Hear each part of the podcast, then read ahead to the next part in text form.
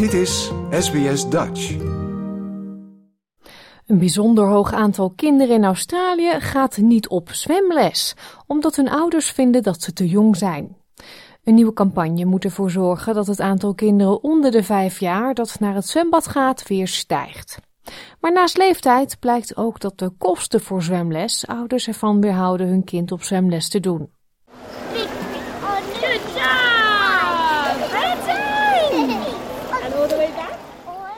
Enthousiasme geen gebrek bij de vierjarige tweeling Chase en Cynthia op een zwemschool in Melbourne.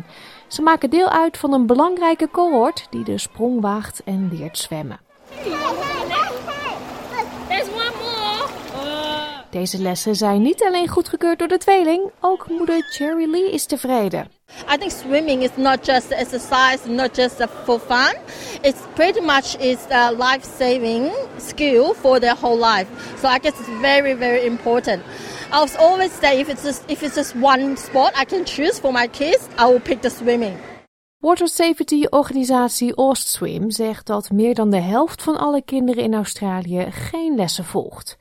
U hoort de Oswim manager voor Victoria, Angus Milner. So we've estimated that 53% of families that have pulled out of swimming lessons are because of financial situations. So we understand that um, that is a major hurdle, but uh, it's really encouraging that we've seen data that families are cost cutting in other areas to try and keep their children in swimming lessons, which is fantastic.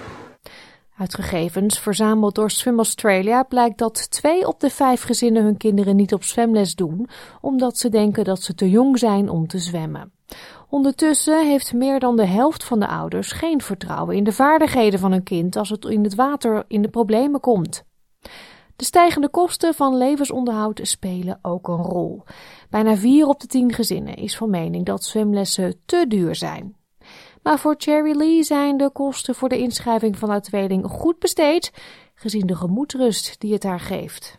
Younger age, it's actually easier for them to build up the confidence with the water, get familiar with the water, and reduce the fears of water as well. Because when you grow up, you might think too much and you might be a little bit difficult for you to get familiar with the water and it takes longer for you to build the confidence to get inside the water.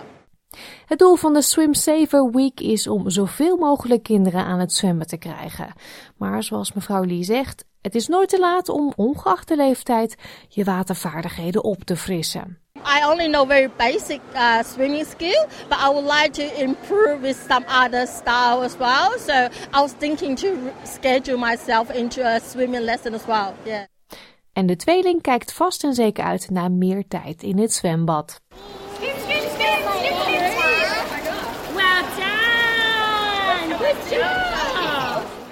Dit was een verhaal van Tizo Kayuchi voor SBS Nieuws, geproduceerd in het Nederlands door SBS Dutch.